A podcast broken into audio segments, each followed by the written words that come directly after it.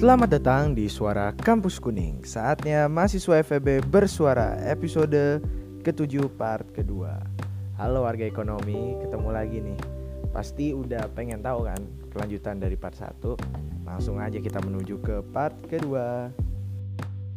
aku nih dari dari apa ya, dari SMA nih kak aku pernah mikir gini kak eh, mungkin nggak sih kak kita nih hidup tanpa plastik gitu pak. Kayak kayak zero kayak nol gitu. Nol plastik kayak nggak ada plastik sama sekali. Itu kan plastik tuh bisa ditemui di mana aja ya. Dari Hmm. furnitur dari kemasan dari botol minum. Itu kan sangat susah untuk dihilangkan begitu aja ya kak. Dan mungkin kalau hilang malah tambah parah kan efeknya malah jadi, nanti diganti jadi kertas untuk kemasannya malah eh, mengurangi kayu dan pohon di alam gitu pak sebenarnya mungkin nggak sih kak kita hidup tanpa plastik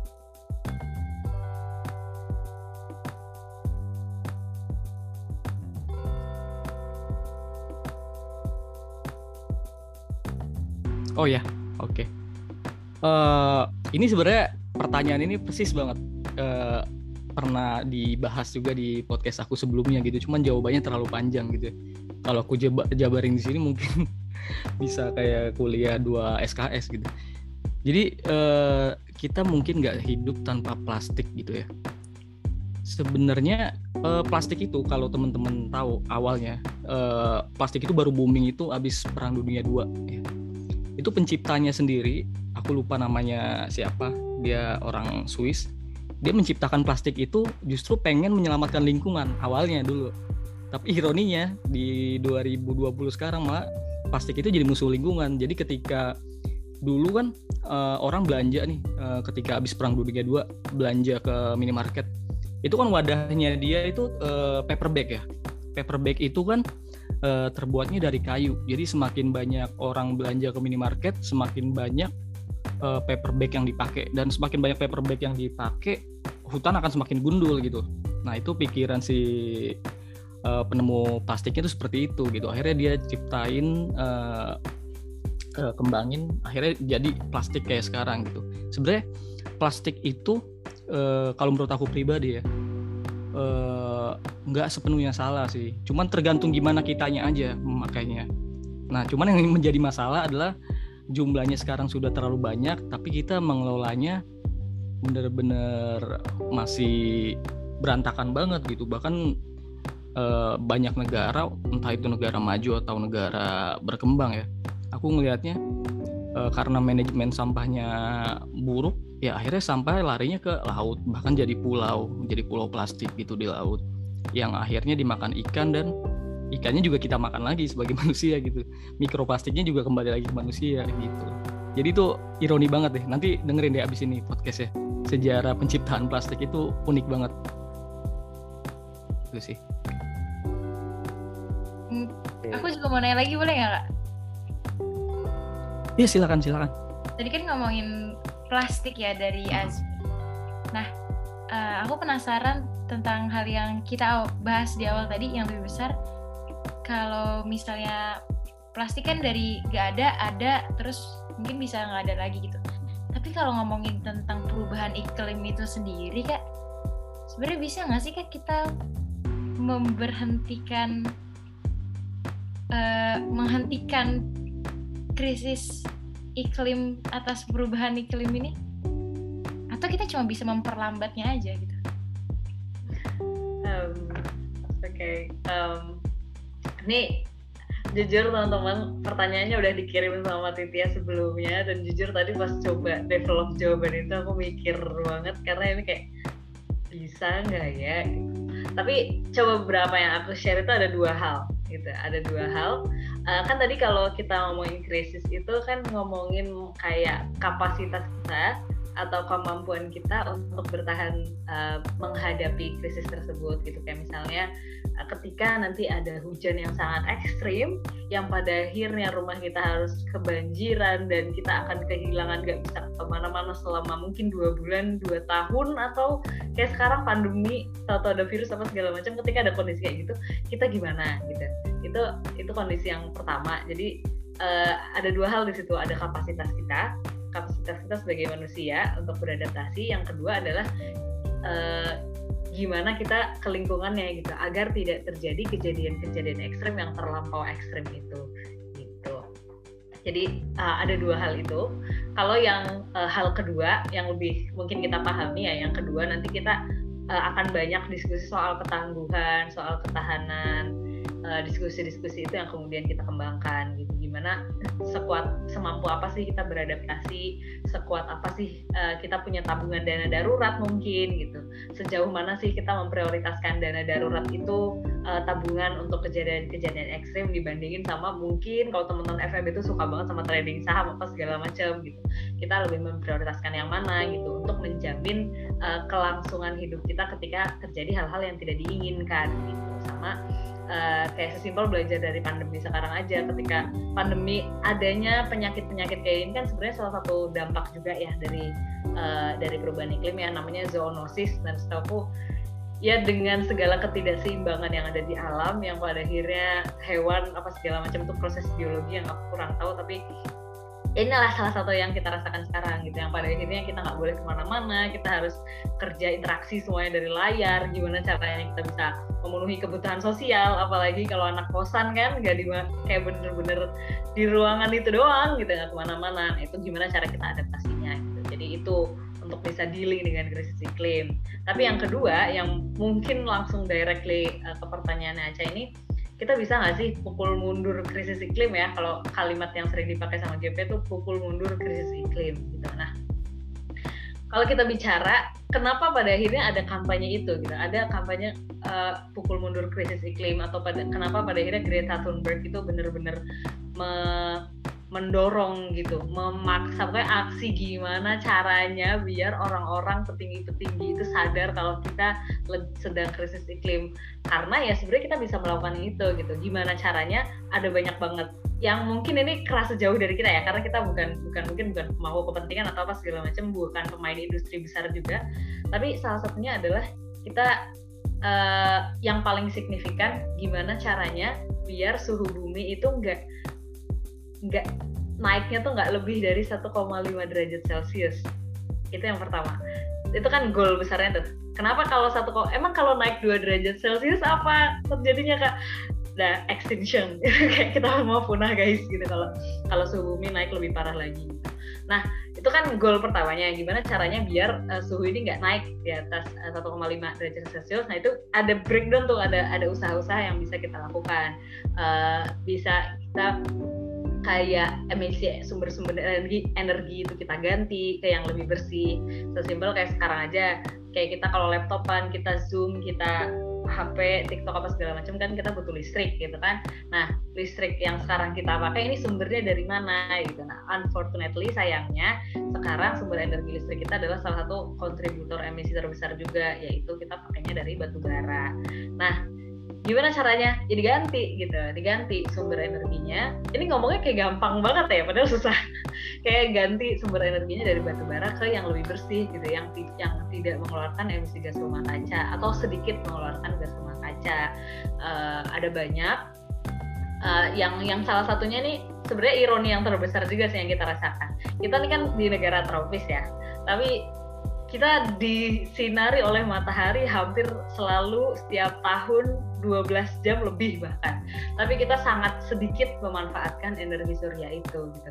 Itu salah, salah satunya gitu. Jadi sebenarnya kita punya opsi energi yang lebih bersih, bersih gitu untuk tadi agar uh, gas rumah kaca yang uh, biar nggak makin banyak nih yang keluar gitu. Biar tadi nggak makin panas nih. Makanya itu salah satunya. Dan selain itu apalagi bisa lagi kita sebenarnya apa yang sudah kita lihat sekarang banyak kok kayak kemudian muncul ada mobil listrik terus ada uh, transportasi publik. Itu kan semuanya usaha untuk mengurangi emisi. Cuman kan apakah solusi itu tepat juga gitu? Kayak misalnya kita ngomongin mobil listrik tapi mobilnya adalah mobil pribadi yang sebenarnya sama-sama aja jatuhnya gitu. Macet-macet juga nanti panas-panas juga jalannya juga makin banyak. Kalau jalannya makin banyak proyek infras makin banyak kayak sama aja gitu. Jadi solusinya kalau cuma mobil listrik bukan.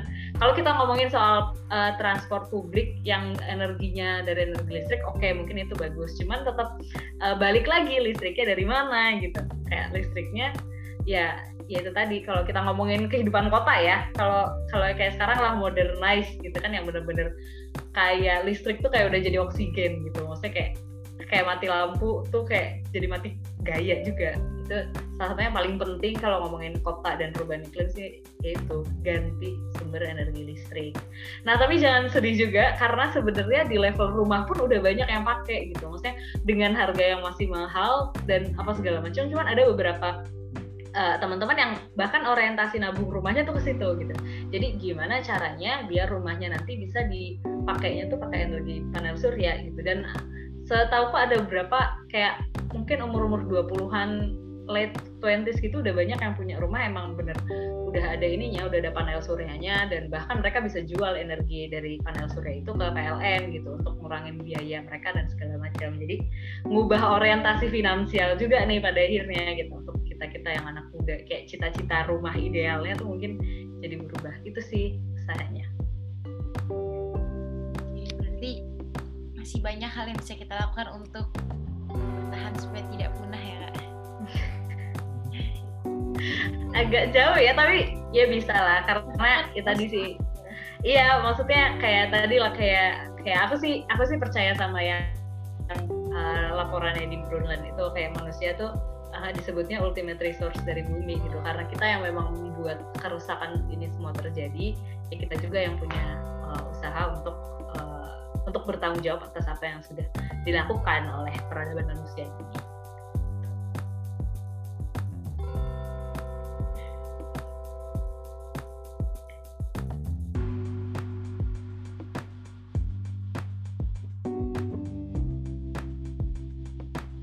Oke, jadi paling enggak tuh kita yang sekarang-sekarang ini ya misalkan aku sebagai anak kosan ya paling hemat listrik aja gitu ya kayak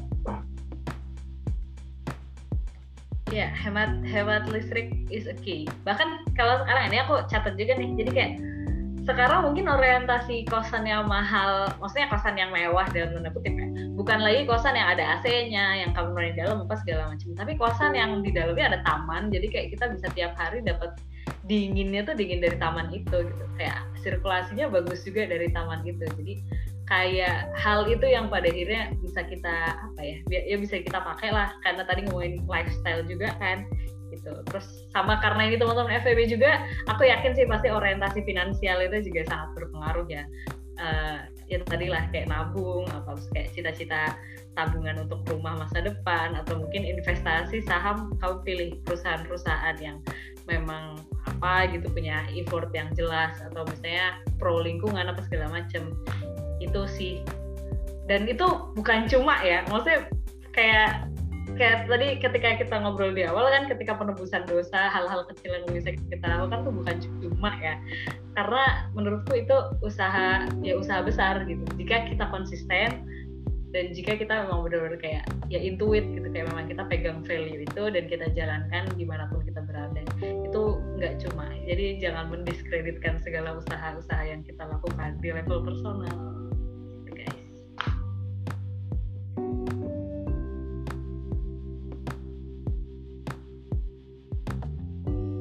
wah keren banget sih. Pokoknya inget-inget tuh tadi apa uh, bahasan-bahasan yang udah dibahas gitu. Mulai dari yang penebusan dosa lah ya kan. Uh, terus cerita-cerita unik juga tadi dari Kasiti dan juga Kak Tommy ya. Uh, yang melakukan penebusan dosanya dengan cara-cara yang ya ber apa ya berefort lah dan di sini aku juga merasa berdosa sih tapi setelah setelah ngobrol-ngobrol yang mudah-mudahan ya dari warga ekonomi juga yang dengerin pasti nantinya ke depannya mudah-mudahan jadi lebih sadar dan bisa melakukan penebusan-penebusan dosa juga. Dan bisa ngelakuin hal-hal mulai hal-hal simpel hal-hal kecil uh, dari diri masing-masing buat lingkungan kita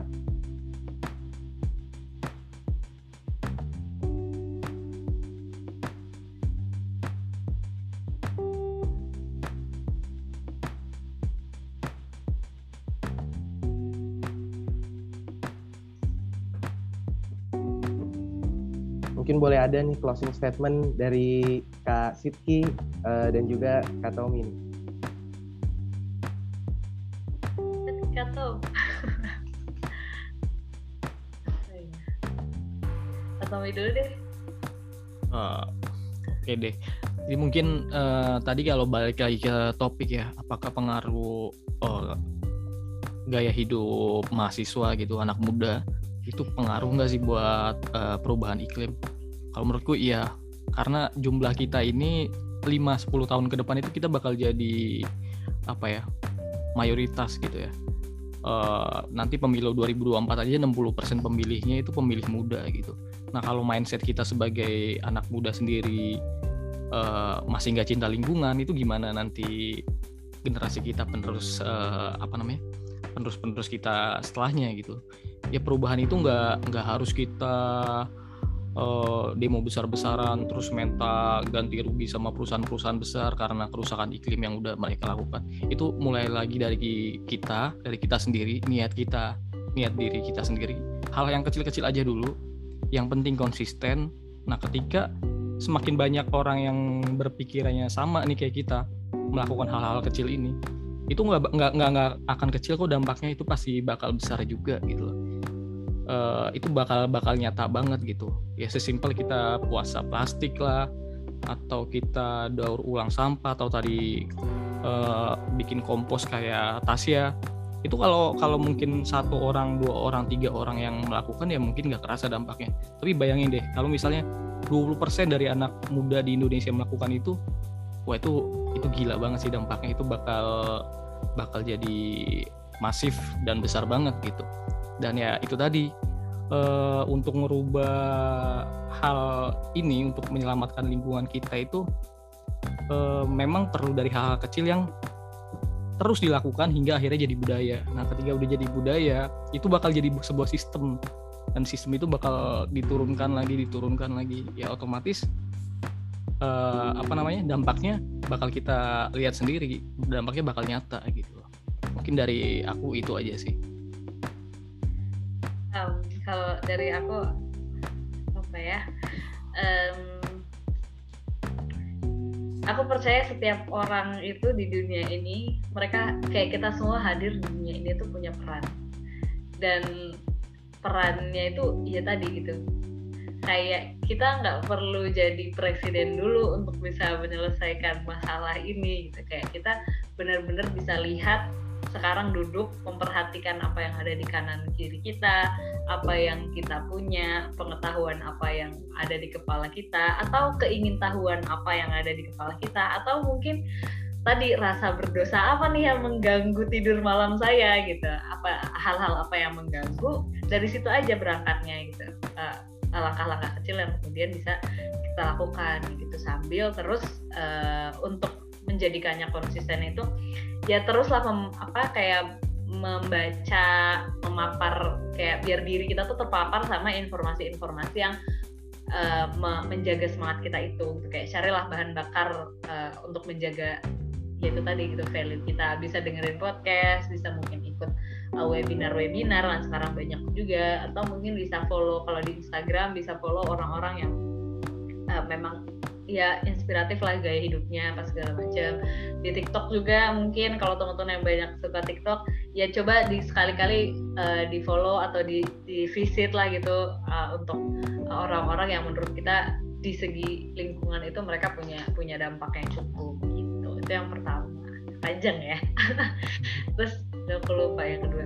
Sama yang kedua tadi sih ketika kita ngomongin uh, cita-cita masa depan atau apa kira-kira uh, envisioning masa depan kita tuh gimana sih? Cita steps apa yang kira-kira kita butuhkan untuk mencapai cita-cita itu? Apalagi nih balik lagi ya karena teman-teman ini ekonomi dan aku yakin kalian uh, punya tadi lah untuk steps financial plan-nya atau mungkin kalian bisa mengkritisi uh, apa kasus-kasus yang terjadi perusahaan-perusahaan apa segala macam. Jadi situ sih. Maksudnya kayak masa depan yang ada itu ya ada di tangan kita sebenarnya gitu. Kita mau mau ngegimana pun ya itu nanti tergantung kita. Kalau misalnya kita tidak peduli dengan lingkungan ya bisa jadi hal yang tidak sangat tidak ingin kita inginkan kayak misalnya tadi kepunahan atau apa itu bisa terjadi gitu. Dan yang yang poin yang paling terakhir yang pengen aku omongin adalah ketika kita sebagai manusia kita tinggal di bumi ini tuh sebenarnya kita tuh paling tidak adaptif sebenarnya gitu. Jadi kalau kita dibandingin sama makhluk hidup yang lain gitu kan kayak sesimpel pohon aja deh kayak kalau teman-teman lihat Chernobyl sekarang kota yang dulu dulu pernah ada uh, bencana nuklir sekarang itu sudah dikerumunin oleh tumbuhan gitu. Maksudnya kayak tumbuhan tuh secepat itu tumbuhnya gitu. dan mereka seadaptif itu juga gitu. Nah, jadi kita ini bukan nggak bisa kita sombong dengan semua kekayaan yang kita punya dan kita bisa hidup sehat, kita bisa hidup sepanjang tahun, nggak bisa. Kita tetap harus kayak tunduk gitu sama lingkungan. Ketika sekarang lingkungannya lagi marah, oke okay, berarti kita harus nge-stop semua hal-hal yang buruk yang pernah kita lakukan. Ketika lingkungannya lagi protes kayak sekarang nih, lagi ada virus yang di mana-mana, kita sebutnya kayak lingkungannya sedang mengingatkan kita semua ya. Jadi kayak kita uh, kayak refleksi lagi sebenarnya apa yang gue lakukan yang kurang baik apa yang mungkin gue bisa lakukan dengan lebih baik itu sih. Jadi kayak kita benar-benar harus dalam tanda kutip tunduk itu tadi gitu. Kayak kita tuh sama mother nature sama lingkungan itu kayak harus apa ya? Ya gitulah ber, berserah dan kayak oke okay, kalau emang lu maunya gue urus kayak gini oke okay, gue akan begini oke okay, gue akan begini gitu. Karena itu tadi gitu alam tuh sebesar itu dan semesta juga kan sebesar itu gitu. Kita ini ya masa bayangin aja ini kita udah kayak kutu yang bikin rusak dunia gitu loh. Kalau dunia marah udah habis kita gitu. Jadi kalau kita nggak nggak menyesuaikan diri nggak memperbaiki diri bisa jadi kita yang pada akhirnya kalah gitu. Itu aja sih semoga ada manfaatnya ya geng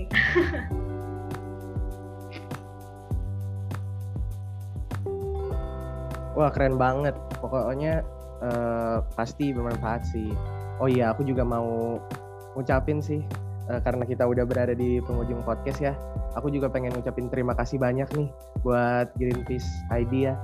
Terutama Kak Sitki dan juga Kak Tommy yang mewakili di sini uh, karena udah bantu sharing ilmu berharganya yang pasti uh, bermanfaat buat teman-teman warga ekonomi dan juga uh, siapa pun yang mendengarkan aku juga pengen ngucapin terima kasih sama Kak Aca dan juga Asmi yang udah mau nemenin aku di sini ngobrol-ngobrol sama Greenpeace ID. Oh iya, terus jangan lupa untuk dengerin podcastnya ya, ngobrol lingkungan dan juga uh, di Instagramnya juga Greenpeace ID di follow ya, jangan lupa teman-teman.